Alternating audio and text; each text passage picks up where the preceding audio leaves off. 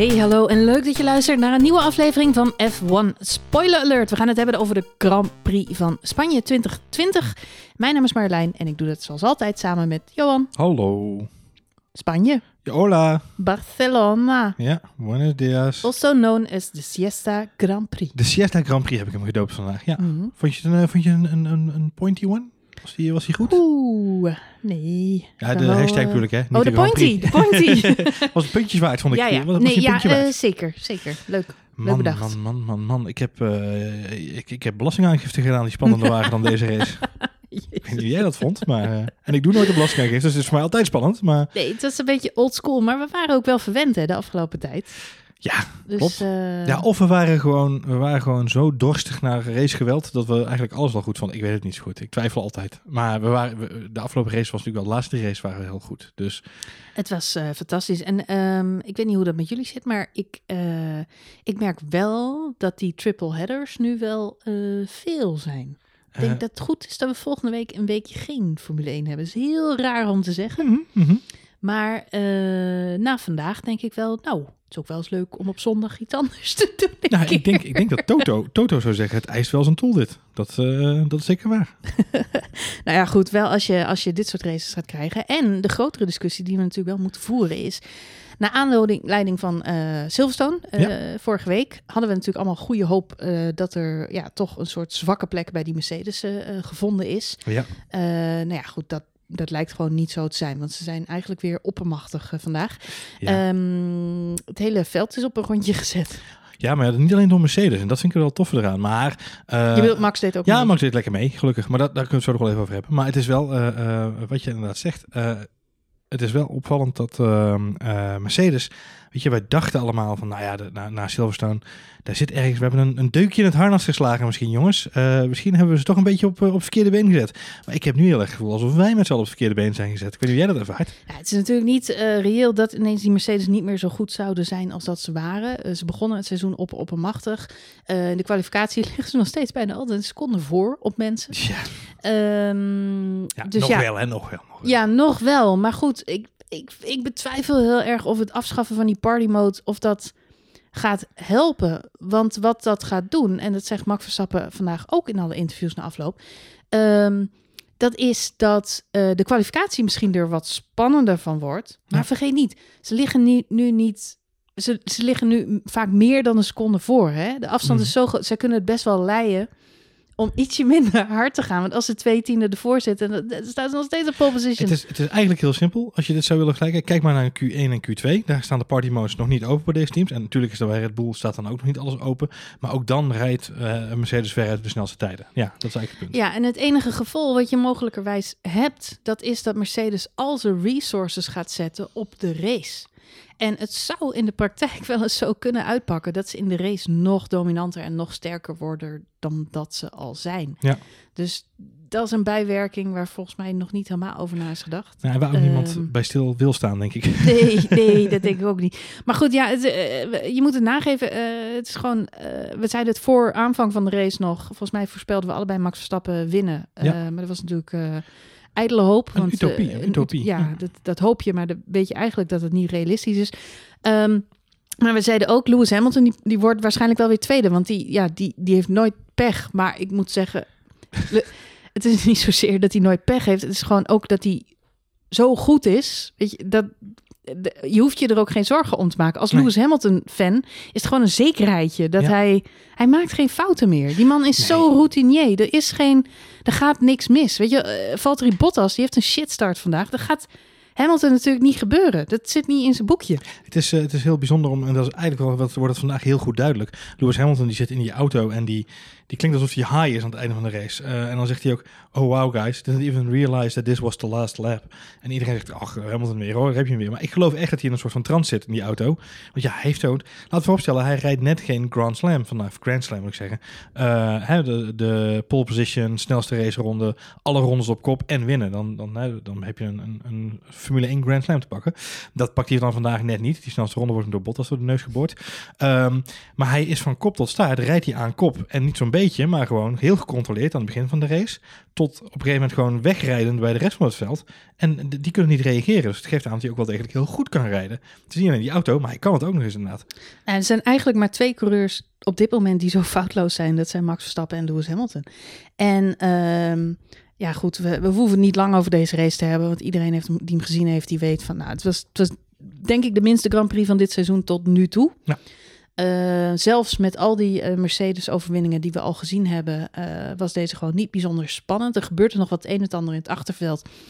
Maar uiteindelijk bleef dat, ja, die hussel bleef ook een beetje uit. Er is ook, ik heb de startopstelling erbij gepakt en die leg je naast de uitslag. En dan, ja, er zijn, er zijn geen hele grote dingen gebeurd. Iedereen nee. is een beetje ge, gefinished waar hij gestart is. En Leclerc is uitgevallen en daardoor zijn sommige mensen nog wat opgeschoven. Ja. Buiten dat um, ja, gebeurt er niet zoveel. De enige analyse die je kunt maken is... twee coureurs rijden echt compleet foutloos. En daar moeten we dan als Nederlandse fans ook maar een beetje hoop uitputten. Hè? Dat, dat één, dat Max in een Red Bull weer voor de zoveelste keer tussen die uh, Mercedes uh, ja, ja. kan komen. En ook gewoon dat tempo uh, lekker volhoudt. Want Lewis Hamilton die rijdt inderdaad wel een aardig eentje weg. maar Max die zit daar comfortabel tussen. Klopt. En die hoeft eigenlijk uh, ja, zich over Bottas ook totaal geen zorgen te maken. Nee. Uh, dat had trouwens alles ook te maken met uh, de bandenkeus nog aan het eind van de race. Want jij had daar een beetje stress, weet ik nog. Bij de, de, er waren de laatste pitstops. en toen ging Bottas nog naar binnen voor rode bandjes. Toen dacht je, ai, ja, dat kan wel een dingetje worden. Dat ja. kan wel eens een dingetje worden. Ja. Maar een ronde later horen we Lewis Hamilton over de boordradio zeggen... Uh, geef me niet die rode bandjes. Die liep voor geen meter. Nee. Waarop zijn engineer zegt, oké, okay, blijf buiten, blijf buiten. met andere woorden, het team stond klaar met rode bandjes. Net zoals bij Bottas. Ja. En na afloop zei Hamilton ook van... Nee, ik wist gewoon van die vrije training... Um, die rode banden, die wil ik niet hebben. Die rijden niet lekker. En ze waren ook niet meer nodig. Want ik had, ik had al de lange stint erop zitten. Dus ik hoefde niet zo lang meer. Nee, klopt. Um, dus uh, ja, ik, kon, ik had gewoon vrije keus. En dan had ik liever die gele, want die liepen bij mij veel beter. En dat, ook dat zijn de kleine verschillen tussen Lewis Hamilton en Valtteri Bottas. Valtteri Bottas die laat wel dat rood erop zetten. Weet je, ja. die staat daar niet bij stil. En ik, vind, ik moet toch nageven uh, aan, aan, ja, aan Hamilton sowieso, maar ook uh, Vettel, die, die, die uit zich ook vaak over de strategie. Mar, uh, Max gaan we het zo nog over hebben, die ja. bemoeit zich ook tegen de strategie aan. Uh, het zijn toch wel de coureurs die daar iets van zeggen, die daarover meedenken, ja. die uiteindelijk ook het meest succesvol zijn. Je moet geen Max Schaapjes zijn en je alleen maar laten leiden door die data. Nee. Ik hoorde in, in de aftershow van Formule 1 met een grappige anekdote verteld dat af en toe uh, de neiging van de engineers aan de pitmuur is, is zo. Die kijken alleen maar naar die data. Die kijken alleen maar naar die cijfers. En daardoor hebben ze soms niet meer in de gaten wat er buiten op de baan gebeurt. En verliezen ze de realiteit een beetje uit het oog. Omdat ze alleen maar daarna kijken. Er was een engineer. Uh, die, uh, de Formule 2, het was een andere klasse geloof ik. Die nam contact op met zijn coureur. Die zei, hey, je gaat ineens een heel stuk langzamer in bocht 3. Wat is er aan de hand? Waarop die coureur zegt, het regent inmiddels. Maar dat had die engineer dus niet gezien, omdat hij zo getransfixed was op die data. En zo, dat krijg je soms. Het is een datasport geworden en, en die engineers zijn alleen nog maar daarmee bezig. En ik vind het heel mooi om de afgelopen paar races Max, maar nu ook Hamilton, over de boordradio te horen komen en te zeggen van, luister, dit doen we een beetje anders. Ja. Vettel trouwens ook. Want de realiteit is anders. Weet je, ja. ik zit hier buiten in die raceauto en uh, ik weet hoe de banden voelen. Het, moet, het, moet die, het moet die uh, symbiose zijn tussen die twee dingen. Ja. Inderdaad. Overigens, de, de, de uh, engineer die jij net benoemd, die kan zo aan de slag bij Ferrari als ik het zo hoor. um, maar um, nee, um, uh, wat wel grappig is, is Helmut Marko heeft nog, of eigenlijk moet ik zeggen Helmut Marko en Christian Horner hebben nog gereageerd op de situatie met Max. hè, als je het hebt over de strategische inbreng van hem daarin. Omdat ze eigenlijk een beetje de baal hadden van het feit dat hij ja, natuurlijk zo nadrukkelijk uh, neer werd gezet met die, met die boordradio. Um, en Helmut Marko heeft gezegd, ja, weet je, dat is gewoon... Hij zegt, tegenwoordig wordt alles uitgezonden. Dus dan, dan ziet het er al heel snel, alles ziet er heel spectaculair uit. Het valt allemaal mee, want soort discussies hebben we heus wel vaker. Uh, hij zegt, ja, eigenlijk is het natuurlijk zo dat Max zich eigenlijk bezig moet houden met wat er op de baan gebeurt. En de tactiek moet overlaten aan zijn engineers. Uh, dat is eigenlijk de afspraak die we natuurlijk met elkaar maken. Jij bepaalt wat er met die auto gebeurt, wij bepalen de tactiek.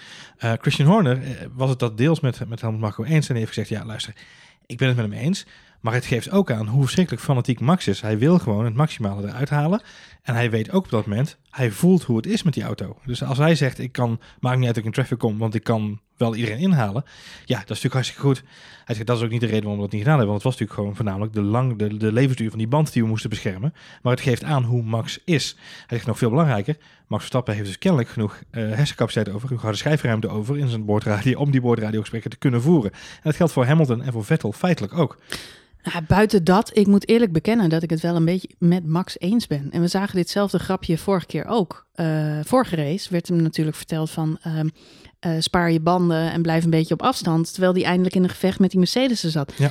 Ik snap Max wel. Max heeft een verschrikkelijk saai seizoen. Het enige doelstelling die hij heeft is tweede worden achter Lewis Hamilton. Hm. Dat is het. En hij heeft altijd gezegd, nou ja, voor tweede, derde plek doe ik het niet. Um, maar ja, goed, dit jaar zal dat zijn doelstelling zijn. Het is het hoogst haalbare. Het is het enige wat hij kan doen.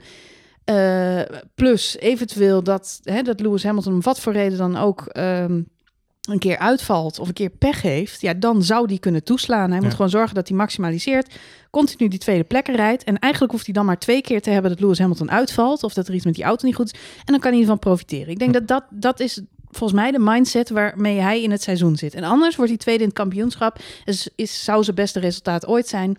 Uh, en de opmaat naar misschien zelf ooit uh, wereldkampioen worden, hopelijk volgend seizoen. Nou, dat is, dat is zijn stip op de horizon. En daar is hij heel realistisch in. En de enige manier waarop hij eventueel het kampioenschap nog zou kunnen winnen, is door pech van Lewis Hamilton. Is dat de manier waarop je wil winnen? Nee.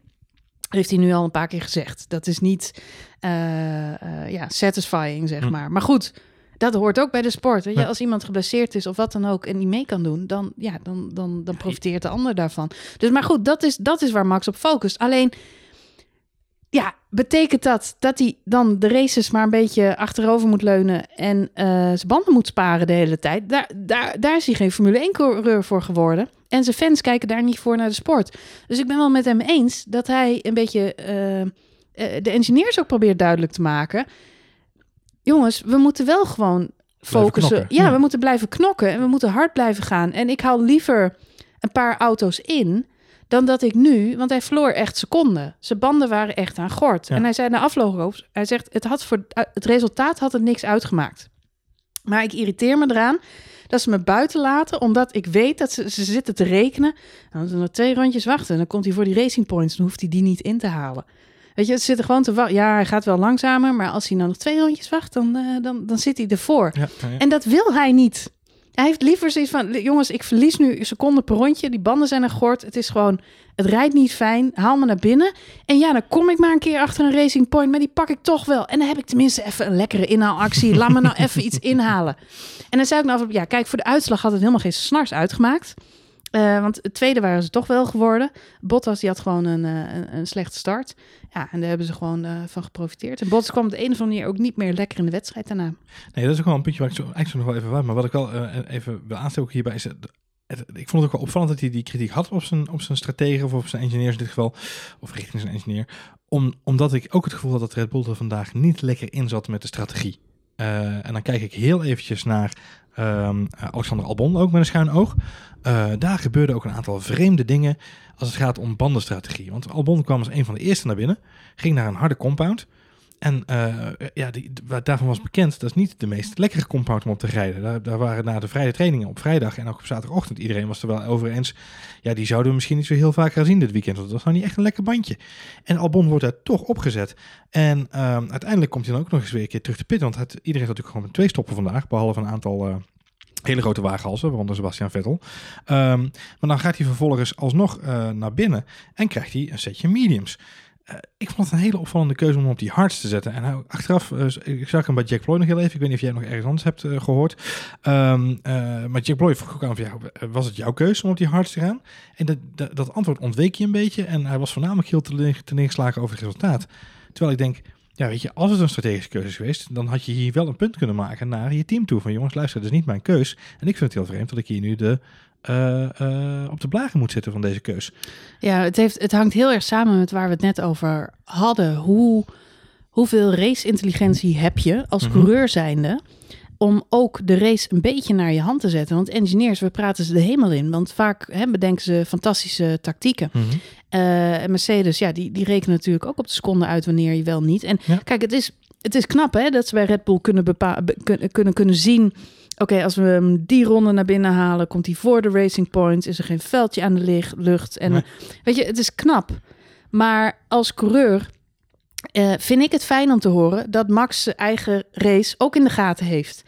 Ehm, en dat gevoel heb ik bij Albon nog niet helemaal. Dat kan je hem niet kwalijk nemen, want Mhm. de jongen rijdt pas twee jaar Formule 1. Dus het, is niet heel erg erg. Nee. Eh, maar er zijn er meer waarvan je... Hè, de Bottas hebben we het net over, die, die gaat ook op die rode banden. En dat, dat laat hij gewoon maar gebeuren, laat hij over zich heen komen. Terwijl hij ook had kunnen zeggen, ik wil gele banden. Want dan kan ik Max Verstappen nog inhalen. Want ik kan gewoon snelle rondjes neerzetten. Maar het is net alsof Valtteri Bottas dan eigenlijk de handdoek al een beetje in de ring heeft gegooid. Hij zei ook na afloop van de race... Hij zei, ik zou op dit moment overal anders willen zijn dan hier. Ja. Weet je, ik, Bottas, ja, hij wilde ja, verdwijnen. Bottas, hij wilde, gewoon weggeteleporteerd verdwijnen. worden. Ja, precies. Ja. En toen dacht ik, mijn god, weet je wel, het, is- het is, Ja, het is echt insane. het is, het, het, nou, heel te neergeslagen. En ik snap het wel, want hij ziet zijn kans op wereldkampioenschap. Ja, ga gewoon door de play op dit moment. Ja. Hij wordt gewoon door, door Max Verstappen in een mindere auto naar huis gereden. Hij realiseert zich dat niet alleen Lewis, de grote Lewis Hamilton veel en veel beter is dan hij. Hij realiseert zich dat Max Verstappen waarschijnlijk nog veel beter is Ja. dan dat. Nee, En dat is, dat is kloten. Want je wil dat niet. Nou, Nee. en dan terug naar Albon. Nou, die heeft hetzelfde, maar misschien nog wel veel erger. En die staat ook op die manier voor de camera. Zijn strategie. Ja, ik weet niet wie dat bedacht heeft. Hij is de enige coureur vandaag die op hard gereden, gereden heeft. De ja. enige. Ja. ja, En zijn rondetijden waren gewoon super slecht. Ja, hij kwam ook, Want hij, zei, hij zei, ik had vijf rondjes om er wat uit te halen en toen was het op. Toen kon ik niet meer. Maar waarom laat je je dan die banden onderzetten? Wie bedenkt dat? Ja, Daar ben je toch zelf bij? Dat is toch een hele goede vraag inderdaad. Ik zit even te kijken, hij is in ronde 18 naar binnen gekomen. Ronde 41 gingen die harde banden weer af. Ja, het slaat Een nergens op. beetje een vetteltje zoals vorige week. nou ja, al was het maar een vetteltje van deze week. Want Mhm, Vettel dat is heeft true. uiteindelijk de moedige stap gezet eh, om buiten te blijven. Of liever gezegd, bij Ferrari hebben ze gedacht, eh, nou vind ik te loose. Weet je? dus blijf maar lekker rijden. En Vettel die zei, oké, I'll go with it. Weet je, die is gewoon eh, no guts, no glory. We gaan, we gaan er gewoon voor. En eh, ja, bij Albon, ik vermoed dat ze dat plan ook hadden, een eenstopper. En dan misschien op een eenstopper. Maar ja, Het zat er gewoon niet in. het was een putstrategie van niet Tokio. Hij is achtste eh, sorry, zes, zesde gestart en achtste geworden. Ja. En een Red Bull. Ja, dat is bijzonder. En gelapt door teamgenoot. Ja. Ja, maar ik vind ook, daar, daar kan hij met hangende schoudertjes bij de camera staan. Maar hij zou ook kritisch mogen zijn. Naar op- zichzelf. Ja, op- ja. nou, naar ja. zichzelf, maar ook naar, Ja, maar zijn naar het team. team. Ja, En misschien, het is goed dat wij dat in de media misschien niet zien. Ik denk niet dat het chic is dat hij dat voor het oog van de camera moet eh, eh, laten merken. Nee, maar soms is het wel goed om het juist wel even te doen. In de zin van, eh, het geeft ook aan wat voor vlees je in de kuip hebt als een, als een coureur dat wel een keer doet. Want wat vind nu het dus geval is, de media zet nu het verhaal neer van Albon. Ja, En niet hij zelf. Hij heeft niet zelf het, het- de narrative in handen. Hij, heeft niet zelf, hij bepaalt niet zelf zijn eigen storyline. En dat had hij nu wel kunnen doen door in ieder geval een keer te zeggen. En dan moet je maar een keer bij Helmut Marko op het matje komen. Dat moeten ze allemaal een keer. Maar denk je dat Carlos Sainz zich zorgen over zou maken toen hij nog bij Red Bull zat? Of dat Daniel Ricciardo daar een blad voor de mond zou hebben genomen in dit geval als het zo zou zijn geweest? Nee, dat Daniel Ricciardo moeten horen naar Monaco en naar al die andere races die er geweest zijn. Waarin hij het slachtoffer was van, van net even een slapende engineer. Jongen, dat zijn mensen die, die nemen geen blad voor de mond. En Albon is wat dat gaat. En nu vandaag net iets te lief. Ik zit even te kijken naar de 20. Hij heeft, hij heeft 23 rondjes gereden op een hardband. Terwijl Valtteri Bottas de 26 rijdt op een eh mediumband. Ja, het Ja, is niet goed. helemaal nergens op. En zijn rondetijden waren slecht, want vooraan eh, daar wordt gewoon 1.22, 1.23 gereden door eh, Mercedes eh Verstappen. Ja. Maar ook de Racing Points konden de tempo af en toe best wel aardig bijhouden. Zijn natuurlijk roze Mercedes, dus is logisch. Maar Albon, die rijdt dan 1.25. Ja. Ergens in het middenveld. En dan denk ik, je hebt gewoon dezelfde auto als Max Verstappen. Ja. Je moet 2, 3 seconden per ronde harder. 2, 3 seconden, hè? Is niet niks. Is niet niks. inderdaad. niks. Nee, Nou goed, eh, de- het enige wat inderdaad moeten we misschien nog even moeten noemen is ehm, het begin van de wedstrijd. Ja, Bottas heeft Ja. natuurlijk een hele slechte start. Wat mij wel opvalt, dat eh, we horen Max dan ook over de boordradio zeggen, hij is super slow. Ja. Eh, dus het gat met Hamilton is erg klein op dat moment. Ehm, maar Mar- ja, ook weer race-intelligentie. Max heeft gewoon in de gaten. Er wordt niet voluit geraced. Iemand Nee. is nu zijn banden aan het sparen. En dat was ook zo. Eh, tweeledig. Je zou kunnen zeggen, eh, Hamilton moest Bottas misschien een beetje opwachten. Ja. Eh, dat hij bij kon komen, want die zat natuurlijk achter die Stroll. Ja. Al meteen naar de eerste bocht. Ehm, Maar aan de andere kant, ik denk dat Max gelijk heeft. Ik denk dat Hamilton gewoon ook zijn bandjes aan het sparen was. Ja, het duurde erg lang. Uh, Max heeft de eerste, volgens mij, de eerste acht of negen ronden hebben ze gewoon binnen anderhalf seconde van elkaar gereden. Uh, gelukkig was Bottas vrij snel wel Stroll voorbij. En toen was het nog steeds dat het gat zo klein bleef. En toen heb ik ook, heb ik genoteerd, ik zat even notities te kijken, heb ik ook genoteerd van, ja, is nu, is nu Hamilton aan het sparen of is hij inderdaad aan het opvangen? Uh, want het zou natuurlijk kunnen zijn dat hij gewoon aan het zorgen is dat Max Verstappen in de klauwen valt van Valtteri Bottas. Maar Valtteri Bottas kwam ook niet binnen twee seconden van Max, want die bleef op 2,5, 2 seconden hangen achter Max Verstappen. Dus op de een of andere manier, ja, het is natuurlijk vaak gezegd, deze, dit circuit is niet het meest spannende circuit van de kalender. Uh, ondanks het feit dat wij er allemaal hele goede herinneringen aan hebben met onze Max Verstappen petten en oranje brillen.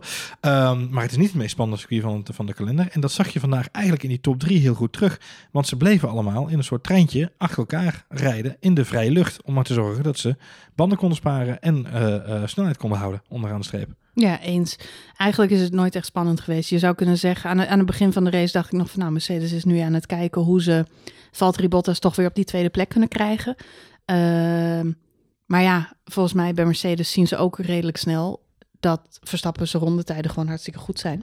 En dan merk je aan het einde dat ze hem ook niet gaan helpen. Dan moet hij het zelf verder maar uitzoeken.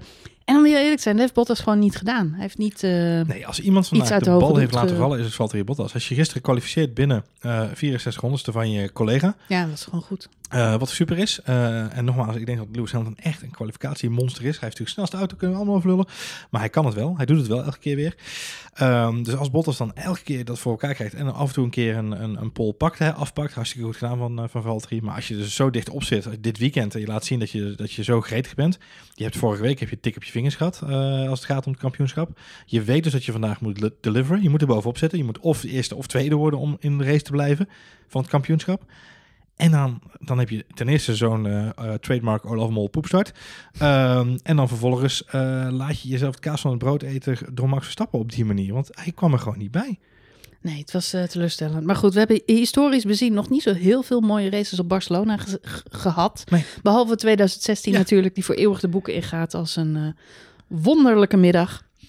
Maar buiten dat is Barcelona eigenlijk altijd goed voor hele saaie races. Maar ook daar hè, kun je je zelfs afvragen. Dat gebeurt vrij snel, die crash tussen Hamilton en Rosberg. Ik zat er nog over na te denken inderdaad vandaag. Die crash was vrij vroeg in de race. Mhm. Mm -hmm. En ook daarna was het heel lang gewoon een optocht. Ja, Want er klopt. gebeurde niet zo heel veel. Nee, Rijkonen bleef ook gewoon op afstand. Wat was Rijkonen die dan achter Verstappen aan zat. Maar dat gat bleef ook gewoon constant maar hangen, zeg maar. Op het einde van de race. Dus het was voor ons allemaal heel spannend. Maar voor de neutrale kijker misschien ook wel minder. Om zo maar even te zeggen, nou, ik denk ik niet. Ik denk dat iedereen dat een speciale race was. Maar Nou ja, nee, ja, goed. Je ziet ook vandaag uiteindelijk dat uh, iedereen is ook een beetje veroordeeld tot dezelfde pitstop-strategie. Ja. Dus daar is weinig in uh, variatie. En eigenlijk de enige die vandaag echt profiteert van een andere strategie, dat is Vettel. Ja. Die op de een of andere manier toch zijn bandjes uh, lang heel heeft weten te houden. Ja, met dank En, aan uh, de uh, inhaalronde, dat hij op een ronde werd gezet door, de, door het hele veld. Dat was, hij zei zelf dat de, dat de top 3 ons inhaalde, dat was mijn redding. Ja, precies, de want nog een rondje had hij het niet volgehouden. Nou, hij zegt aan de laatste vijf rondes waren gewoon een hel. Hij zegt, en doordat we op een gegeven moment in traffic kwamen en dat inderdaad de top 3 er doorheen moest, zeg maar, dat we allemaal blauwe vlaggen kregen, dat heeft me gewoon in het leven gehouden. En daardoor kon ik een beetje sparen met de bandjes. Maar hij was Ah. natuurlijk, hij was natuurlijk not amused onderaan de streep, Vettel. Was hij niet blij met zijn plek? Ik heb hem niet meer gehoord. Nou, Nou, uh, gedurende de race was hij natuurlijk not amused. We hebben, voor de Ja, mensen die het niet hebben meegekregen, Sebastian Vettel, uh, de man van de vele feedback gedurende uh, uh, zijn carrière in de Formule 1, geeft altijd goede feedback naar de engineers, had op zaterdag besloten om gewoon geen woord te spreken tegen zijn engineer tijdens de kwalificatie. Ja, maar dat wordt nu door de media heel erg opgepakt als Sebastian Vettel praat niet meer met zijn team. Ik heb zelf heel sterk het gevoel dat Sebastian Vettel gewoon beu is. Dat elke scheet die hij laat wereldnieuws is. Dat denk ik Hij ook. zit Ja. bewust niet op social media en hij wordt er stapelgek van. Dat zelfs het feit dat hij bij iemand in de auto stapt of wat hij over de boordradio wel of juist niet zegt, op dit moment trending, trending wordt op social media. Dus hij heeft gewoon volgens mij voor zichzelf besloten, als ik niks hoef te zeggen, zeg ik niks. Ja. Want dan geef ik ook niks weg. True. Nee, dat- is mijn gevoel ook wel een beetje hoor. Dat ik denk van ja, aan Dus de ik weet niet of het per se met Ferrari te maken heeft. Ik denk dat hij zich heeft ik moet, voorgenomen. ik moet het transcript nog even terugkrijgen van vandaag, want ik weet niet hoeveel communicatie er vandaag is geweest. En, en überhaupt, ik weet niet of hij nog behoefte heeft om zoveel te praten over dingen. Um, uh, want het, het, grote gerucht is natuurlijk dat, dat hij al zelfs vanaf Spa nu, uh, want dat was het gerucht wat dit weekend ook de media wordt opgeblazen. Hij zou van Spa al zelfs vertrekken bij Ferrari. Nou goed, even afwachten nog. Maar uh, Vettel was not amused op de boordradio vandaag, omdat hij vrij duidelijk liet weten, um, ergens volgens mij ronde 30 40 of zo inderdaad, dat hij voor de eerste keer op de boordradio kwam van jongens, jullie moeten me wel even laten weten wat nu het verhaal is uh, met bandenmanagement. Uh, want ik zal toch even moeten weten. Uh, vanaf ronde 40 want Leclerc was, was uitgevallen. Leclerc viel uit, dus Vettel moest nu even weten wat het plan was. Wat gaan we doen? Want ik ben nu de, de chief puntenscorer van dit team. dus alles wat ik nu doe, moet goed doen. Dus die kwam op de boordradio en die vroeg aan zijn engineer, jongens, jullie moeten me even laten weten wat het plan is. Wat gaan we doen? Gaan we nog een rondje door? Want hij reed op dat moment op softs al. Mm. Um, nou goed, uh, toen bleef het stil. Uh, en goed en wel uh, een rondje of vijf, zes later komt er een engineer over de boordradio en die zegt... Wat zou je ervan vinden als we doorgaan tot het einde van de, van de race? Waarop er bliep, bliep was te horen. dat betekende twee woordjes. En ik denk dat ik kan raden. Ik denk dat ze ook naar een persoon gericht waren. Uh, dat heb ik je net gevraagd, zegt Vettel. Ik vraag aan jou de input. Wat moet ik doen om te zorgen dat we het maximaliseren? Uh, dus dat was inderdaad weer ja, de zoveelste, zoveelste voorbeeld van ja, teamradio's bij Ferrari en strategie. Waar je soms denkt, waar gaat het over en, en wat zijn ze daar aan het doen? Uh, maar hij heeft uiteindelijk die banden toch weten te managen inderdaad. Ja, vanaf ronde 40 tot ronde 66. ja, in zijn geval 65 dan. dat is ontzettend knap natuurlijk. 35 rondjes ja. op de zachtste band. Knap hè? Ja, zeker knap. Moet je tegen Alexander Albon stellen, die na uh, 23 rondjes naar een hart binnenkwam. Ja, dat slaat helemaal nergens op. Nee, maar goed, je, daar zat gewoon ook geen, uh, geen gang in. Ook niet trouwens op uh, de mediums die hij daarna kreeg. Nee. Dus op de een of andere manier ja, zat, kreeg, de, kreeg de snelheid er niet goed in vandaag. Maar Vetteltje, weet je, ik ben, ik ben echt heel blij. Hij is vandaag driver of the day geworden. dat gun ik hem ook echt. Um, ja, ik gun het hem. Ik ben blij is, dat, hij, ja. dat hij zo hoog is geëindigd in, in deze wedstrijd voor zijn doen. Um, en, en weet je, ik hoop gewoon dat hij nog een paar goede races kan rijden bij Ferrari. Want ik zou het echt heel zuur vinden als nu wel dat gerucht naar buiten komt dat hij weggaat op Spa. Omdat ik, het, omdat ik gewoon graag Vettel met een, met een high zie eindigen bij Ferrari. Nou, ik zie liever Kimi Räikkönen terug in een Ferrari. maar heel eerlijk te zijn, als we daar dan nog even van kunnen genieten. De enige plek waar je Kimi Räikkönen terug gaat zien in een Ferrari is, na zijn twee plekken, of in de F1 2020 game, uh, of uh, denk ik als hij thuis. Uh, nee, maar laten we heel eerlijk zijn. Als Ferrari daadwerkelijk nog constructeurspunten wil gaan pakken, moeten ze Räikkönen in een Ferrari zetten. En niet Giovinazzi, dat weten we allemaal. Nee, want dat is een beetje de, de cyclus, de circle of life toch, die we te pakken hebben. Dat als Vettel zou vertrekken bij Ferrari, zou Giovinazzi, hij is de, de, de, de coureur die bij Ferrari onder contract staat. Hij zou dan naar Ferrari overgeheveld kunnen worden. Maar ja, dat wil jij helemaal niet. Nee, ja, goed. En dat met het oog op twee Italiaanse races, hè? Oh ja. Oh dus ja. Uh, ja. de plot thickens, de plot zeggen thickens. ze dan zo mooi. Ik vond het, uh, ja, Ferrari, ik vond het een beetje haaststrategie. Ja, jij zei dat uh, inderdaad. Ja, ja, ja, het is een beetje Gunther Steiner, nothing to lose, blijf maar buiten. We zien wel waar het schip strandt. Ja, maar ook... En als hij was gaan pitten, had hij sowieso buiten de punten gereden. Ik heb dus... een sterretje bij Kevin Magnussen staan, omdat het gewoon deze week weer gebeurde. Precies wat jij zegt. We gaan wel even kijken wat hij doet. En Kevin Magnussen reed weer op een paar, volgens mij een paar mediums, waar hij al uh, heel de race een beetje op een rondtoeren was. Op een gegeven moment, nou, daar gaat iedereen weer om Kevin Magnussen heen met de grote boog, want die had al lang drie, vier ronden geleden naar binnen moeten gaan van nieuwe banden. Maar nee hoor, die rijdt er nog steeds. Ik weet, ja, je hebt wel gelijk. Het is een beetje haaststrategie. Nou, hij heeft wel goed uitgepakt, want de zevende plek is niet slecht. Nee, voor uh, Vettel zeker niet. Voor Vettel zeker niet. Hoe Wie had gedacht hoe, dat we dat ooit ja. zouden zeggen. Um, nou ja, goed. En daarmee uh, denk ik dat het goed is om naar de punten te gaan voor deze race. Laten we beginnen met de winnaar. Ja, en dat is uh, Lewis Hamilton. Lewis Hamilton, ja. Ik, ik, was, um, ik was onder de indruk van Lewis Hamilton het hele weekend. Maar dat heeft gewoon te maken met dat hij een soort uitstraling nu ook heeft van ik ben de nummer één en dat blijf ik ook gewoon en niks kan mij raken. Ik zit in mijn bubbeltje. Ja, je moet, ja, wat ik net al zei, je moet nageven. Um, je weet van tevoren al dat er waarschijnlijk niks misgaat. Ja. Het is de meest zekere uh, fan die je kunt zijn. Fan van Lewis Hamilton. Ja, het, gaat nooit mis. Nee, nee, nee. nee je, je, hoeft niet een beetje uh, zenuwachtig met allemaal schietgebedjes voor de tv te zitten van alsjeblieft, alsjeblieft, alsjeblieft, rij hem uit. Ja, behalve de eerste race Silverstone misschien. Ja. Maar dat is een zeldzaamheid en zelfs dan. En zelfs dan, weet je. Dat, zijn, ja. ja. dat is wel waar inderdaad. Het is drie banden. Het is een beetje alsof je een fan bent van, uh, van de, de club die altijd kampioen wordt. Ja, je hebt gelijk. nou ja, ik vind, maar ik was wel, kijk, dat uh, Jack Ploy zei vandaag ook in de voorbeschouwing. Ja, uh, Lewis Hamilton heeft altijd zo'nzelfde voorberei voorbereiding. En dan loopt hij achterwaarts terug vanaf de plek waar ze het volkslied hebben geluisterd naar zijn auto. En dan focust hij zich, dan kijkt hij zo de diepte in. Dan heeft hij, hij loopt achterwaarts terug? Ja, dan kijkt hij zo de diepte in. Hij loopt, hij loopt achteruit? volgens mij is maar een stukje als terug hoeft te lopen daarin. Hij loopt achteruit? Ja, dan kijkt hij zo, dan tuurt hij zo. Even het rechtstuk houdt die focus op het rechtspunt. Dat zei Jack Ploy vandaag. En ik zie dat dan ook gelijk voor me. Ik denk, ja, dat is iemand die gewoon visualiseert. En ook inderdaad, uh, uh, na de wedstrijd ga ik zeggen, ik zat een soort trance. En dat hoorden we van Max. Dat horen van Max ook wel zo. Dat hij dan soms in een soort trance zit en gewoon als een machine rondjes rijdt. Nou, dat heeft Lewis Hamilton dit weekend gedaan. Dus ik Lewis Hamilton van mij een 9,5. Hm, goed, Lewis Hamilton krijgt van mij wederom een 9. Want het was in principe foutloos, maar erg veel weerstand heeft hij ook niet. Dus nee. daar kan ik hem dan niet op beoordelen.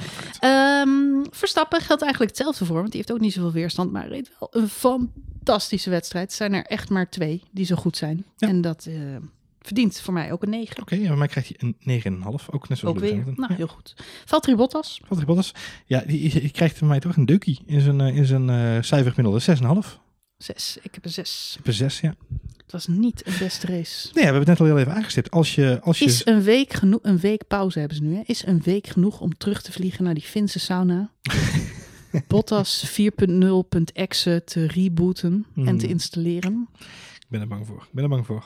Gaat niet gebeuren, hè? Hij doet zo zijn best. Nee, hij weet niet waar hij het moet zoeken, volgens mij. Hij weet niet waar hij het vandaan moet halen. Als je serieus in een persconferentie na afloop zegt: Ik zou het liefst hier nu niet zijn. En ik kijk, ik zie, Ja. de- ik zie, ik zie mijn kampioenschap in de vechten moet- verdwijnen. Ja, ik Dan- moet dat heel, geeft aan ja, dat je het geeft gewoon. bent. Ja, dat vind ik dus ook. En dat vind ik heel erg om te zeggen. En ik vind, ik, ik klaag wel eens over Lewis Hamilton, omdat hij een bepaalde manier heeft van doen. Maar aan de andere kant, ja, dit, eh, als ik Albon en Bottas vandaag zie, dan denk ik, sorry gasten, maar jullie hebben gewoon niet wat er voor nodig is om kampioen te worden. Daar moet je echt veel harder voor zijn. Het is echt bizar. En wat, wat mij vooral opvalt, en dat is hetgene waar ik me. eh, En wat je ik- moet ook weten waar het mis is gegaan. Juist, En ja, dat, weten, dat Nee, weten dat zij vaak niet. Nee, zij weet, zij, Bottas zegt ook altijd dingen na afloop van de race. En dan denk ik, ja, we, we moeten het nog analyseren. En, we moeten, en dat hoor je nooit. Als je Max of Lewis vraagt, wat gebeurde er? Dan zeg ja, deze banden, daar verloor ik een seconde op. En toen gingen we banden sparen. En toen zat ik achter. Weet je, Max is gewoon een soort hard drive. Die, die elk rondje van die Ja. race nog in zijn hoofd heeft. En precies kan oplepelen wat daar gebeurde. En we- het feit dat hij in de gaten heeft dat Lewis Hamilton niet vol uitrijdt. Lance Stroll, even niks te nadelen van de storm. Maar er zijn coureurs en die zitten daar en die denken echt, die zijn helemaal in hun nopjes van oeh, oeh. Ik zit eh, achter Lewis Hamilton, het gaat hartstikke goed. Fantastisch. Maar nee, ja, eh, Max die weet gewoon, iemand rijdt er niet voluit. En eh, dat heb je gewoon in, ja, hij Ja, weet dat. Hij heeft daar weet, gevoel bij inderdaad, heeft daar ja. gevoel bij inderdaad. En hij, hij heeft, eh, nou, Hamilton hetzelfde verhaal. Die kiest de juiste banden voor de laatste stint, omdat hem dat een beter Ja, gevoel mijn- geeft. En Bottas, clueless. Precies, jouw je, punt wat je maakt, inderdaad, is precies hetgeen wat ik wilde zeggen. Bottas en, en ook Albon.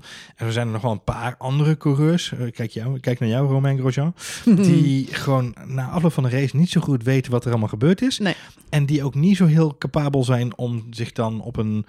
eh, en dan wil ik niet stereotyperend zijn, maar op een mannelijke manier eh, te verweren. Door gewoon te zeggen, eh, ja, het ligt daar aan of het ligt daar aan. Of het is altijd, ja, ik weet het niet. Nee, ik moet even uitzoeken. Ja. Ja. ik hoop het van het team te horen. Ik denk dat we het eerst even moeten analyseren. Ocon is ook zo'n gast die dat dan gewoon... jij moet even kijken naar de data en dan denk ik... joh, zeg gewoon iets. Ik wil niet eens, ik maak niet eens uit of het de waarheid is. Maak gewoon een, een, een statement waar ik in geloof. Dan, dat, dat maakt al een beter gevoel op mij dan dat. Dus als je vandaag, nadat je zo dicht bij je team bent gekwalificeerd... je eigenlijk nog helemaal midden in het kampioenschap zit... je kunt Verstappen vandaag pakken, je kunt er tegenaan... en dan verprut je je race zo en dan zeg je... ja, we moeten echt even kijken, ik weet niet waar het zit. Ik weet niet waar het is misgegaan. Ah, serieus, Max? Verstappen doen me af en toe een beetje denken aan Frenkie de Jong. Frenkie de Jong die stapt ook het veld af bij Barcelona en dan wordt gevraagd van waar ging het mis. Ja, bij die acht doelpunten van Bayern München. Ja.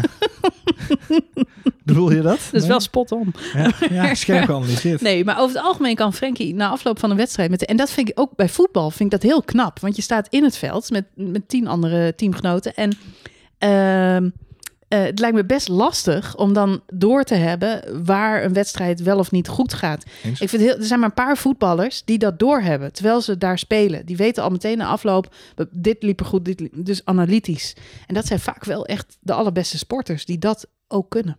Ja, het, is, het heeft te maken met die extra harde schijfruimte misschien Ja. waar we het ook al vaker over gehad hebben. En ehm, eh, ook Ross Braun overigens, eh, even een klein stapje terug naar Ross Braun, die heeft dus in zijn column, naar aanleiding van Silverstone ook geschreven, dat eh, iedereen natuurlijk hoge waardering had voor de humor van Max Verstappen over de boordradio. Hij zegt maar wat nog veel belangrijker is, de manier waarop hij op dit moment de sport benadert en met die extra capaciteit die hij heeft om dat soort dingen te doen, doet hij mij heel erg aan Michael Schumacher denken. Eh, wat een mooie vergelijking is. En, en wat ik ook wel ehm, eh, geloof. En ook vandaag zei Christian Horner ook weer datzelfde. Die refereerde dat ook weer naar. Hij heeft gewoon een, een, stukje capaciteit over om dat te kunnen doen. Hamilton heeft dat ook. Vettel heeft dat ook. Wanneer gaat het mis? Bij, bij welke mensen gaat het mis? Nou, bij Leclerc of bij een Gasly toen hij bij Red Bull reed. Bij Albon nu zie je gewoon, hij moet het niet doen, want dan gaat het mis. Eh, en bij Bottas geldt volgens mij een beetje hetzelfde. Zodra hij moet gaan nadenken met een knappe blonde kopje van hem, ja, dan gaat het mis. Goed. Goed, we gaan door. Eh Stroll. Lance Stroll. Lance Stroll, die pakte een plekje af van zijn teamgenoot, Ja. omdat zijn teamgenoot een penalty kreeg. Ja, Ja, die kreeg alsnog een penalty als een broek gesmeerd. Overigens een hele vreemde penalty, maar dat ligt meer aan mij. En Ja, nee, goed, negeren van de blauwe vlag. Ja, eh, eh, ik heb de actie nog even keer teruggekregen, maar ze vonden het waarschijnlijk dat Hamilton daar niet had hoeven uitwijken. Volgens mij viel het uiteindelijk allemaal wel reuze mee qua tijdverlies. Dat en is een zware straf. Ja, ja, ik, ja, goed. ik- Het ging denk ik heel snel. Uh, Perez, Kvyat en denk ik allemaal van die van die. Van Ja, die ze kregen allebei. Ja. Dus ik ga een stuk door. Maar goed, de stewards zullen vast gelijk hebben. Lance Stroll krijgt van mij een 7 en een half. Ik had een 8. Hij reed een goede race. Ja, hij reed een goede race. En, die start was eh, fantastisch. Ja. En als je het hebt over durf en gewoon ervoor gaan. Kijk, ehm, Hulkenberg, we vinden hem allemaal super sympathiek. Maar hij zei wel vorige week, nou ja, Max, die laat ik meteen voorbij gaan. Dat was natuurlijk ook een beetje eh, jezelf in de underdog-positie wringen. Want Ja, je precies. weet dat je Max niet achter je gaat houden. Maar wat ik mooi vind aan Lance Stroll is dat hij zoiets heeft, nou, Bottas, die kan ik hebben. Ik, ga er gewoon, ik ga er gewoon voor zitten. Dus, en eh, pakt ook zijn teamgenoot, want Perez stond ervoor bij de start. Ja. Dus eh, ja, gewoon goed. ja, hij was een dijk van de start naar het eind. Ik vind, eh, ja, we kunnen niet meer zeggen dat Stroll een slechte coureur is Nee, dit nee, seizoen. nee, want hij doet, het, hij doet het gewoon goed. Dus als hij als Perez wordt ingewisseld voor Vettel, zou ik dat op dit moment ook redelijk terecht vinden. Ja. Helaas Ja. voor misschien de Perez-fans. Maar, ze, maar doen, van- ze doen weinig voor elkaar onder. De verschillen zijn niet zo groot als bij Verstappen en Albon. Of bij Raikkonen en Giovinazzi. Waar, waar echt vaak Ja. een halve seconde tussen zit. Ook in de kwalificatie. Nou ja, kijk, wat, wat, wat volgens mij heel eh, simpel is. eh, ik kijk het even heel zwart-wit, maar Lance Stroll heeft bij zijn team van, van heeft hij nu zijn plekje. Dat heeft hij te danken aan zijn vader, dat is mooi. Maar als Lance Stroll daar weg zou moeten, ben, weet ik niet of Lance Stroll zo snel een plekje ergens anders te pakken heeft. Terwijl ik van Sergio Perez zoiets heb van, je, Nee, maar Perez kan zo bij Haas of bij Alfa of bij, eh voor mij bij Williams, kan hij zo naar binnen lopen en zeggen, hallo, hier is Carlos Slim. Eh, die heeft een hele grote zak met geld en eh, ik wil graag een stukje racen. Ehm, en dat, er gaan ook geruchten op op dit moment dat ehm Stroll misschien een jaartje pauze zou nemen. oh, echt waar? Ja, dat Perez nog een jaartje door zou gaan, onze contract nog eh, te honoreren of eh, voor een deel in elk geval. En dat eh Stroll dan na een jaar weer terugkomt. Maar goed, dat is misschien heel farfetched, maar ik las even- het vandaag wel even een tussenjaartje Ja, voordat hij hier gaat afstuderen. Ja, even, weet ik veel, even lekker spring hiken. break. Lekker Ja, hiken. precies. Spring break in LA. ja. Oké, hey, Sergio Perez Sabbatical, sabbatical. heb ik een 7,5 gegeven uiteindelijk ook. Eh, ik moet even kijken, waar heb ik hem staan? Eh, ik had Perez een 8 en eh, oh, Perez een 7. Sorry. Perez een zeven, ja. Nou, terecht denk ik. Eh goede prestatie vandaag. Carlos Sainz. Van mij krijgt hij een 7, omdat hij uiteindelijk best of rest finished. Ja. Als we dan even de racing points bij de top 3 teams mee zouden rekenen. Ja. Eh, dan weet hij van het middenveld toch een beetje het beste uit de strijd te komen. Hij pakt uiteindelijk maar één plekje, want hij start de zevende, wordt zesde. Ja.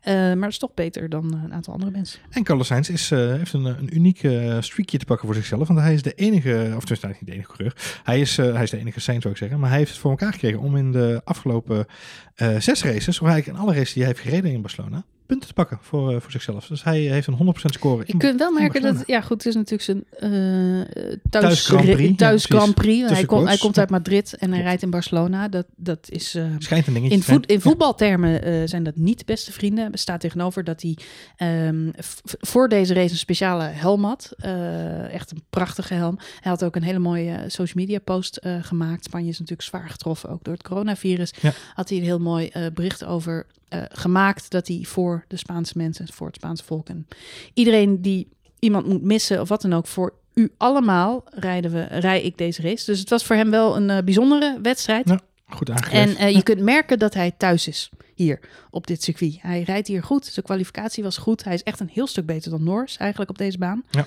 Ehm, dus ja, dit circuitje ligt hem. Ligt hem wel, ligt hem wel. Het zou toch mooi zijn als we Sainz hier nog een keer zouden zien gaan winnen. Mogelijk in een Ferrari. Ja, Gaan we Dat meemaken? Ja, maar misschien. Eh, ik weet het niet. Kijk, eh, eh, Barcelona is altijd een lastig circuit als het gaat om de financiën rondkrijgen en terugkomen op de kalender. Dus elk jaar weer discussie rondom Barcelona. Eh is een Silverstone ook. En vorig jaar waren plotsklaps ineens weer 300.000 mensen. Dus je weet het niet. Weet je, Barcelona is, heeft, staat centraal in de Formule 1 eh, testdagen. Maar in, ja, tijdens de, de, de kalender wordt het lastig. Ik hoop het wel. Het zou voor Carlos Sainz natuurlijk te gek zijn als hij een keer in Spanje met. Sepp Vettel, een zevende plek. Een fantastische prestatie. Zeker. Hij krijgt mij een 8. Ja, ik ook. Nou, kijk, goed gaan. Goed gedaan. Risico Duimen in de lucht voor Sebi Vettel. Geen fouten gemaakt. Geen fout gemaakt inderdaad. Hij liet En, eh, Lance Stroll perfect keurig voorbij. Eh, precies. hij ging keurig aan de deur voor hem Ja, open. zei, nou, u meneer, zei hij. Na u, meneer. Hey, eh Sepp Vetteltje, even heel snel aanstippen. Heeft een uniek recordje gepakt, hè? Want die punten die hij vandaag gescoord heeft, die zijn heel waardevol. Want nu is hij samen met Lewis Hamilton de enige Formule 1-coureur die het ooit in zijn leven voor elkaar heeft gekregen om meer dan 3000 kampioenschapspunten bij elkaar te sprokkelen. Echt waar?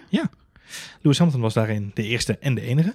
En eh, Sebastian Vettel is de nummer twee die daar nu over de magische grens van 3000 punten heen is. Dat is knap. Het heeft natuurlijk wel te maken met het feit dat eh, vroeger je minder punten kreeg. Klopt. Voor een overwinning. Dus het Schumacher-tijdperk kreeg je nog maar 10 punten als je de race won. Tegenwoordig zijn dat er 25. Dus Ja. dat maakt nog wel een verschil. Tikt makkelijk aan, ja. Ja, Schumacher kan dat niet meer inhalen. Er zijn wel eens volgens mij mensen die dat uitgerekend hebben als je de, oude, de nieuwe punten voor de oude races zou tellen. Volgens mij zou dan Schumacher nog steeds eh, wel bovenaan staan. zijn. Maar eh, ik, ik wist niet dat Vettel. Dus dat betekent eigenlijk dat van het moderne tijdperk kun je zeggen dat Vettel en Hamilton samen de meest succesvolle coureurs zijn. Ja, zeker. En, eh, en, eh, en dan heel even terugpakken inderdaad op dat die vergelijking met Schumacher is natuurlijk dat Hamilton na dit weekend ook eh, het record voor meeste podiumplekken alleen in handen heeft. Dat deelde hij tot op vorige week samen met Michael Schumacher. Eh, dat heeft hij dus nu door zijn winst eh, alleen voor zichzelf, 156 uit mijn hoofd. Da- ja, jij zegt inderdaad, in de tijd van Schumacher zei iedereen van die records worden nooit meer verbroken. Want het waren natuurlijk aantallen en reeksen en streaks. Die zeggen, dat gaat nooit meer gebeuren. Nou ja, goed, we zijn nu 20 jaar verder en we hebben het er weer over. Ehm, dat het nooit meer gaat gebeuren. Dus zeg nooit nooit, laten we dat vooropstellen. Maar we zitten wel in een hele dominante fase van één coureur. En we zitten ook in een hele eh, andere fase als het gaat om puntentellingen. Dus eh, ik ben heel benieuwd of dat, eh, of dat ooit nog... Weet jij wie de nummer drie is op dit moment? Nee, ik heb mijn Google niet bij de hand. Oh, daar ben ik helaas. wel benieuwd Nee, naar. Ja, Zouden we eens moeten opzoeken? we even Wie opsnorren. is de op twee na meest succesvolle coureur van dit? Weet je wat heel goed zou zijn? Als er nou zo'n soort apparaatje was, zo'n klein apparaatje wat je in je handen kunt houden, waar je dan iets kunt intoetsen en kunt zoeken ergens. Dat zou direct zijn. Daar ga ik eens even naar kijken. Top, top. Uitvinden. Eh, we gaan door met Alexander Albon. Alexander Albonneke. Ja, oh, Albonneke. Het is zo lastig. hè. Ik gun het hem zo. Ik geef hem een zeventje. Een zeven, een zeven. Ja, ik heb ook een, een zeven voor Albon. Echt waar, een zeven voor Albon? Ja, gelukkig. Ik dacht, ik dacht nog dat ik aan de hoge kant zou zitten, maar vooruit. Ik ben blij dat jij hem deelt. Eh, ja, dat heeft alles te maken met zijn eh, mooie inhaalacties. Ja, En uiteindelijk wordt hij natuurlijk een beetje de sjaak van zijn strategie. Ik Ja. weet niet wie die strategie heeft uitgezocht, eh, maar hij was er zelf bij. Dus Ja. daar moet hij zelf ook gewoon verantwoordelijkheid voor nemen. Ik neem aan dat vanochtend allemaal besproken is. Ehm, maar ja, aan de andere kant, die inhaalmove buitenom, die was fabuleus. ja volgens Hopington bij ehm eh, eh, Ziggo Sport was het ook al een beetje onnodig en een beetje gevaarlijk voor zijn bandjes. Maar dus, ja, je kunt hem ook op andere momenten inhalen, weet je. Het is, eh, het is Ja. ook wel een beetje showmanship. Maar goed, ik snap het, ik snap het. Gasly, heb ik een zeventje gegeven? ik een 8, want Gasly reed wederom bijna een foutloos weekend. Die jongen zit in een Alfa Tauri, rijdt weer punten. Ik pak even de fotofeed van Pierre Gasly. Is er een foto online gekomen nee, Pierre er is Gasly? geen foto online gekomen. Hmm. Nee, maar Gasly rijdt gewoon een goed seizoen. Alright. Eh, vraag, Ja, je mij, Ja, vraag je mij, moet je Gasly weer in een Red Bull zetten? Dan denk ik dat het niet zo heel veel verschil maakt met Albon, om heel eerlijk te zijn. Ik denk namelijk dat Albon en Gasly allebei hele goede coureurs zijn. Ehm, en Albon heeft nu een deukje in zijn eh, zelfvertrouwen. Ja. En dan denk ik steeds, je zou eigenlijk eens met Gasly moeten gaan pra- praten, want die weet precies hoe dat voelt. Ja. Eh, maar ja, wat, wat, wat Gasly vorig jaar heeft meegemaakt, maakt Albon dit jaar mee. En Albon maakt, of eh, sorry, Albon, Bottas, die maakt het al vier jaar op rij mee. Ja, Dus, true. True. wat zeg ik, ze is vijfde jaar bij eh, Mercedes al dit, toch? Eh, volgens mij wel. Ja. Dus ehm, ja, ja, ja, ja. ja. Nee, ja, eens. Ik denk dat, het- ja, precies, jij zegt Albon en Gasly zal elkaar niet zo heel veel maken op dit moment. Maar het is misschien wel het kwestie van het zelfvertrouwen wat nu een extra boost zou kunnen geven aan Gasly. Maar, eh, weet je, ik, ik heb ook een beetje zwak voor Albon in dit geval. Kom op, Albonneke, zet hem erop. Ja, het, het het- komt door die eh, hele, door die hele vriendensaga van, van eh, Norris en Russell en Verstappen en ook Leclerc er nog een beetje bij. En Albon hoort daarbij. En ik vind het gewoon, ik- ik- daarom heb ik een beetje daarin die, die, dat zwak voor eh, Albon. Omdat, dat, omdat daar een soort van linkje ligt zeg maar, tussen die gasten. Ja, maar om heel eerlijk, er is geen ander team waarbij het verschil tussen twee coureurs zo groot That's is true, als that's bij true. Red Bull. Ja. En dat is gewoon gênant. En ik weet, ik weet echt niet wat ze daaraan moeten doen. Behalve misschien een meer ervaren coureur in, de, in die tweede auto zetten. Ja. Doet een beetje denken aan Alonso en Van Doorn, weet je nog? Ja. Dat was ook zo'n groot verschil toen tussen die twee. Maar dat had alles te maken met het ja, dat eh, vooral met de onderdelen, onderdelen te te maken. Als ik het Hey, eh. Chuck Norris. Eh Lando Norris. Lando, ja, zes. Hmm, start de achtste, wordt uiteindelijk tiende, pakt een punt. Hmm, hmm, hmm. Het is niet goed, het is niet Nee. slecht. Kom zie, kom ze. Komt zie, komt za. Ik had hem een zesje ook. Ja, ja. liet zich wel een paar keer inhalen. Dus het zat zelf ook wel een beetje mee te doen. Maar ik had, eh, ja, Ik kom op, het was niet- niet zijn beste race. Ik heb niet kunnen traceren wat, eh, wat de oorzaak was van zijn matige race. Maar laten we opstellen dat, dat eh, dit is niet Deslendo's, om zo maar even te zeggen. Nee. Ricciardo. Ricciardo. Ja, net aan, hè? En nee, net, eh, net, aan buiten de punten. Eh, de- en hij had natuurlijk een eh, heel andere eh, prognose voor zichzelf voor dit weekend. Want eh, hij zat er lekker in, vond hij zelf. Vrije trainingen waren goed. Maar ik vond het een hele onzichtbare race van, eh van eh, Ricciardo. Dus ik heb hem een 6,5 gegeven. 6,5. Ja, ik had een 7. Hij reed een redelijke race. Alleen wat je zegt, hij valt uiteindelijk net buiten de punten. Ehm, ja, hij, weet, ja, hij, sta, hij start, eh, even kijken, dertiende. Eh Ja. pakt toch twee plekjes. Ja, maar het is wel het verhaal van Renault is gewoon... De vrije trainingen ziet het er allemaal best wel oké uit. Er zit best wel wat vaart in. Dan heb je het gevoel van, oké, maar een combinatie van oké auto plus eh, best wel een goede racer. In de vorm van Daniel Ricciardo. Dan zit er misschien nog wel wat in. Maar dan elke keer, tot nu toe de afgelopen drie races, de- deze hele triple header, denk ik... Maar dit is helemaal niet wat ik verwacht. Nou, we hebben het er niet veel meer over. Omdat er zoveel andere onderwerpen zijn die op dit moment eh, de boventoon voeren in de Formule 1. Mhm. Maar de Renault-motor is nog steeds een ding van discussie. Ik hoorde beide McLaren-coureurs dit weekend klagen over de motor waar ze maar geen grip op krijgen. Nee. En qua performance zijn ze daar gewoon niet blij met wat er uit die Renault komt. Dus ik denk dat McLaren een goede auto heeft gebouwd dit jaar. Ik denk dat ze in de eerste paar races daar nog een heel eind mee kwamen. Maar sindsdien is de motor van Renault gewoon niet verbeterd. vooruitgekomen. Niet Nee. vooruitgekomen. En dat zie je terug bij McLaren. En je ziet het ook uiteraard terug bij eh, Renault. Bij Renault, Het verschil is wel dat McLaren volgend jaar een Mercedes achterin heeft. En Renault. Gewoon weer. Schijnt een Renault. Renault te zijn. Ja, dus eh, ja, goed. We gaan het eh, meemaken. Ik denk dat eh, Ricciardo... Ja, ik, ik dacht vandaag voor het eerst... Goh, heeft Ricciardo er nou zo slim aan gedaan om naar McLaren te gaan? Want je gaat eigenlijk van de ene middenmotor naar de andere middenmotor. Maar ik denk dat die Mercedes-motor echt wel een verschil ik gaat denk dat daar maken de jaar. wel iets hoger liggen. Dus, ik dat ook de afweging is geweest voor Ricciardo. Hoor. Ja, daar moet hij zich dat maar is op zeker wel meegespeeld inderdaad. Fiat. Dani Kvyat krijgt wel een zesje. Ja, had ik ook. Oké, ja. Twaalfde is twaalfde. 12, 12 toch? 12 gestart, 12 Onzichtbaar. geëindigd Ja, toch? Ocon. precies. Ocon een zesje bij mij. Ja, onzichtbaar. Ja. Ja, hij krijgt van mij een 7. Hij reed zich wel wat naar voren. Zat bij een paar gevechten. Lekker bij. Eh, dus ik heb een zeventje gegeven. Ah. Oké, Kimi. Kimi Räikkönen. Ja, eh, eh, weet je, Kimi was vandaag weer een keer weer te, te, zien op, om, om beeld. Hij haalde Q2 Hij haalde Q2 voor dit het weekend. eerst dit seizoen. 6,5. Dus hij krijgt van mij een 6,5. Ja, ik ook. Eh, jammer is dat hij in de race daar uiteindelijk niks mee weet te doen. We zagen hem wel een paar keer in beeld. Ja. Eh, was lekker aan het vechten. Maar goed, het is natuurlijk ook geen auto waarmee je iets kan. Hij had maar namelijk had hij weer moeite met eh, Grosjean uit zijn voor uit zijn Zij, zij houden. Maar ja, de, de Alfa Romeo is dit jaar echt met ja, misschien beste van de achterhoede. Mag, mogen het zo zeggen? Soms, ja. Dus je hebt Haas, Williams en Alfa Romeo. Ja. En Alfa Romeo eh, is dan een beetje de beste van die drie. Ja, Zo mag je het wel de zeggen, ene toch? keer wel, de andere keer niet. Ja. Hm. Ik denk dat ze bij Haas de tactiek beter op orde zouden krijgen. Dat ze nog een zware klui van zouden hebben bij, eh, bij Alfa Romeo. Hm, hm, hm. Goed, nou, ja. gaan we naar Haas, Magnussen. Mag ik een zesje? Een zesje. Eh, ja, ik had een zeventje, want hij startte wel lekker. Hij zat Had er in begin, start, ja. ja. hij zat in het begin wel redelijk lekker bij. Ehm, maar ja, goed, uiteindelijk weet hij niet heel veel meer mee te doen dan Nee. één plekje hoger te finishen. Nee, true, Maar, true. Romain, my heart will Grosjean. eh, Nee, Romain? dat is niet waar. Nee, Giovinazzi. Ik heb- Giovinazzi. Ik heb, ik heb een schrijffoutje. Dat is, een, dat, is geen, dat is geen R, dat is een I. Gio en Gro. Ja, dus ik, Gio. ik, met, mijn, met mijn doktershandschrift heb ik daar inderdaad Gio staan, maar ik lees Gro. Giovinazzi, zes. Ja, een zesje mij ook, klopt. George Russell, Een zesje mij. Latifi. Eh, Een zesje. Voor mij ook allemaal een zes. Kijk, de, dat zijn de zesjes, de zesjescultuur. Zesjescultuur in de achterveld. Dan komen we bij mijn grote vriend Romain. Ja, die kreeg van mij weer een onvoldoende als enige op de grid. Ja. Eh, want die liep weer te kloten, jongen. Gevaarlijke situaties. Situatie met Eh, Rijkonen. Situatie met... was het Russell? Nee. Ehm, Ja, wel, volgens mij. Maar... Of nee, dat was Giovinazzi waar die wel eh, tegenaan klapte alsnog. Waar dat stuk van zijn, eh van zijn Ja, inderdaad. Waar nog eh Hamilton Hamilton overheen overheen reed. Ehm, ik denk dat een hele hoop eh, coureurs eh, bij de volgende stemming voor de nieuwe voorzitter van de Grand Prix Drivers Association... Misschien niet op Romain Grosjean gaan stemmen. Niet op Romain Grosjean gaan stemmen, omdat Romain Grosjean dan niet meer aanwezig is op de Oh. paddock. Ehm, want ik, ja, weet je, als Haas eh, besluit, als Gene Haas besluit om volgend jaar nog steeds wat geld te pompen in, eh, in dit Ja, team. we moeten ons zo langzamerhand wel heel erg zorgen gaan maken over dat tiende Formule 1 team. Ik, ik denk dat de kans groot is dat er volgend jaar maar 18 auto's staan. Dat kan, ja. Want ik weet niet waarom Haas hiermee door zou gaan. De coureurs zijn...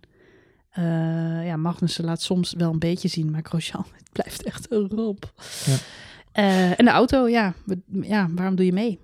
Nou, ze hebben natuurlijk de pech dat ze dit jaar gewoon ook een Ferrari motor eh, hebben gekregen waar ze niet zo heel veel mee kunnen. Eh, Hm. Wat natuurlijk ook niet het best is. Nee. Ehm, maar als je daar de juiste coureur neerzet, kom je natuurlijk alweer een heel stap verder. En als je, nou ja, Perez, Hulkenberg komen beschikbaar, dan, ja, dan is het misschien wel weer een optie. Ik weet het niet, maar nogmaals, eh, voor Romain Grosjean zal het helaas misschien over zijn na dit seizoen. Ja, je moet een gegeven Ferrari-paard ook niet in de bek kijken, joh. Nope.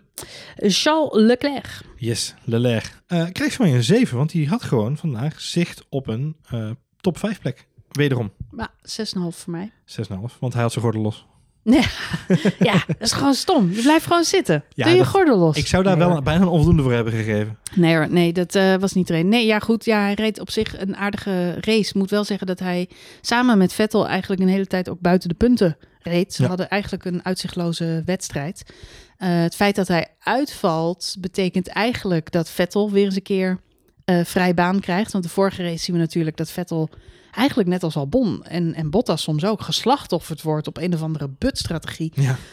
Omdat het lijkt alsof ze de tweede coureur gebruiken om iets uit te proberen. Of dat ze hem uit de buurt willen houden zou- van de nummer Zouden ze- één coureur. Zouden ze het idee hebben van, hey jongens, als we nou twee, strategieën, als we twee strategieën bedenken, moeten we ze ook alle twee gebruiken. Het is niet zo dat we dan... Ja, precies. Dat we er zo- eentje niet Nee, uitvoeren. als we hem A geven, moeten we hem B geven. Plan Nee, dus- E, plan E. Het goede nieuws van dat Leclerc uitviel was dat Vettel eindelijk weer eens in de lead was. En dat ze bij Ferrari zoiets hadden van ja, nou doe maar. Ja. Eh, want we, het maakt ons toch niet meer uit. Want hè, voor Leclerc in de punten in het kampioenschap maakt het niet zoveel uit. Eh, nee, ja, goed. eh, maar verder dan dat, ik zat wel aan het begin. Toen hij nog reed, dacht ik, het is toch eigenlijk uitmuntend knap dat hij twee keer vierde is geworden. Zeker, ja. Als je hem vandaag zag rijden, hij reed op de tiende, elfde, twaalfde plek. Jawel, maar dat was wel op een... eh, hij had net wel ook eh, gestopt en hij was bezig om, eh, om weer naar boven te klimmen. En voor hem moest er nog een groot deel van het veld stoppen. Dus hij reed op een schema, qua, strate- qua strategie ook, waarbij hij wederom richting die top 5 had kunnen kruipen. Dus ehm, eh, dat is het, eigenlijk het hele maf van die hele situatie. Dat, hij was best wel lekker bezig. Hm. En, en dat is echt ongekend knap. Ik heb het in de vorige podcast ook al gezegd. Het feit dat hij dat paard überhaupt de baan overgeslingerd krijgt, eh, zegt een heleboel, denk ik. Ik had eh, uiteindelijk valt hij dus uit. Ferrari heeft laten weten dat het kwam door dat hij of dat de auto te hard over de curbs gegaan Ja. is. Ja, ja. Ik had in mijn hoofd zo'n plaatje van, eh, die kennen we allemaal wel, van een Ferrari in, in, op een woonerf, weet je wel, die zo'n drempeltje over probeert te komen. Dat moet je dus gewoon niet doen met een verlaagde Moet je eerst uitstappen, je boodschappentas eruit halen. Nee, maar kom op, je moet op zich denk ik steeds, die auto's moeten natuurlijk wel tegen een, een zetje Ja. kunnen. Nee, klopt. Eh, dus is het de schuld van Ferrari? Is de auto, hè, we hebben het bij Vettel ook ge- over gehad, dus chassis, eh, scheurt je erin. Is de auto zo fragiel dat dit soort problemen ontstaan? Of was het een coureursfout van Hmm. Charles Leclerc dat hij toch iets te wild met dat ding omgaat op het circuit? Ja, En dan zou het zijn eigen schuld Dat zijn. weet ik niet. Ja, dat zou zo zijn. Maar ja, aan de andere kant heb ik Sebastian Vettel ook in de vrije trainingen met dat nieuwe chassis weer allerlei dingen zien doen. Ik denk, ja, gast, je vraagt er ook om. dus ik weet het niet, ik weet het niet. Het zou Voor mij kunnen. krijgt Charles Leclerc een 6,5. 6,5. Dan Nou, zijn we compleet. we zijn het, het veldje rond. En we hebben een week pauze. Ah. Even zen. Het is ook wel fijn. En, en, en de temperatuur is ook weer wat gedaald. Hè? Dus eh, eh, de airco moest natuurlijk weer even uit in de studio. Maar het is nu wel wat beter te doen dan, dan afgelopen donderdag. Ja, het is eh, eh, in alle opzichten. En dit weekend, de- deze week koelt het ook lekker af. Dus hopelijk kunnen we dan een beetje... Scholen beginnen weer in het noorden. Oh, heerlijk. Kunnen we misschien een beetje in rust opbouwen naar, eh, naar Spa. Ik poeh, ben er wel naartoe. Gelukkig, gelukkig hoeven we niet met de paddock mee op reis. Want? Nou, dan zou je helemaal eh, drie weken van huis, dan weer een weekje thuis, dan weer Alle weg. journalisten die vliegen nu inderdaad weer naar huis. Die hebben behoorlijke stints eh, met al dat reizen. Ja, het is een behoorlijke pittige, pittige klus. Maar goed, dan is wel weer, kijk, en ook Ik Spa wel- is weer ja. een triple header. Dus Ja, en ik moet eerlijk bekennen dat naar die triple header kijk ik toch wel uit. Ik moet zeggen, ik vond Silverstone dit jaar erg leuk. Ik denk dat Ja. De twee races op Silverstone mijn persoonlijke highlight waren. Eén, omdat het gewoon een gaaf circuit is. En je echt dat gevoel van snelheid hebt. Ik heb bij Barcelona dat toch minder. Hm. Ehm, heel laid back, hè? Ja, maar tapas. ja, Spa is vaak wel eh, een mooie race. Sowieso qua plaatjes. Het Ja. zal even wennen zijn eh, zonder tribunes en publiek. Zeker, ja.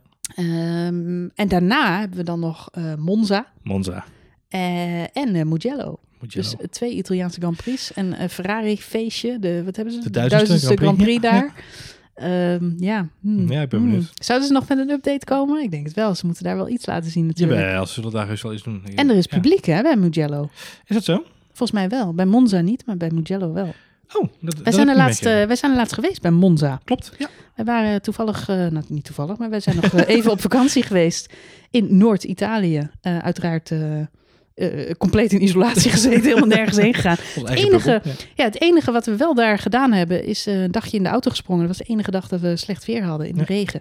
En toen zijn we naar eh, Monza toe gereden om daar eens even te kijken. Ik moet zeggen, het, ja, het was leuk om een keer in het echt gezien te hebben. Als Ja. je op vakantie, ja, meer mensen die deze podcast luisteren zullen dat misschien ooit gedaan hebben. Maar als je op vakantie bent in de buurt van een Formule 1 circuit, je bent er nog nooit geweest, toch leuk om even Zeker, te koekeloeren. absoluut. Ehm, ja, dus eh, nu kijk ik wel met een speciaal gevoel ook weer uit naar, naar die race. Zeker maar waar. het zal raar zijn om dat zonder de tifosi te zien. Nou, zeker, omdat wij, wij liepen daar over het, het rechte stuk. Ehm, eh, eigenlijk naast de, eh, naast de Pitstraat ook. Hè, en dan ook Mhm. naar richting dat hele opvallende mooie podium van, Mhm, mhm.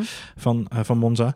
En dat ziet er toch heel anders uit als er geen hond te bekennen is. Want wij waren Het natuurlijk, echt, er was ja. niemand. eh, behalve wat mensen van het circuit zelf. Nou, het is gewoon een oude, oude, oude bende, zeg maar. Ja, oké, Dan maar zijn dat- we wel wat ja, gewend van Zandvoort. daar kom ik al heel wat jaartjes. En daar kijk je ook rond. Of daar keek je altijd rond. Dat je dacht van, nou, de, de- hè, die hekken die mogen ook wel eens een keer een updateje hebben. Ja.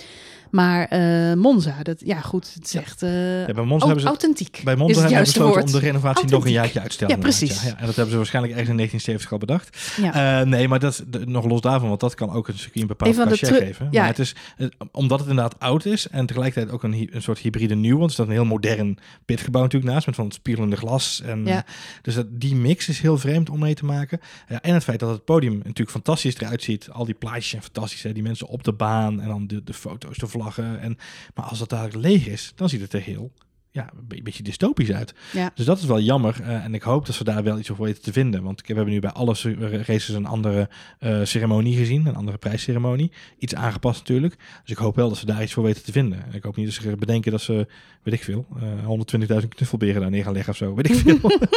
maar er moet wel Nou, iets gedaan worden. Ja, Het zal wel schattig zijn. wel leuk idee. Kunnen ze niet, je zegt het nou van knuffelberen, maar kinderen die hoeven toch niet in isolatie? Nee, Kunnen ze niet gewoon de hele tribune volzetten met kinderen? Het is gewoon gratis alle kids naar de Formule 1 laten gaan. Maar dat hoe- kan, het- hoe kan komen natuurlijk die niet. daar dan? Ja, dat kan ze- die kunt nooit een groep kinderen Wil alleen laten. laten. Wil je laten in parachuteren.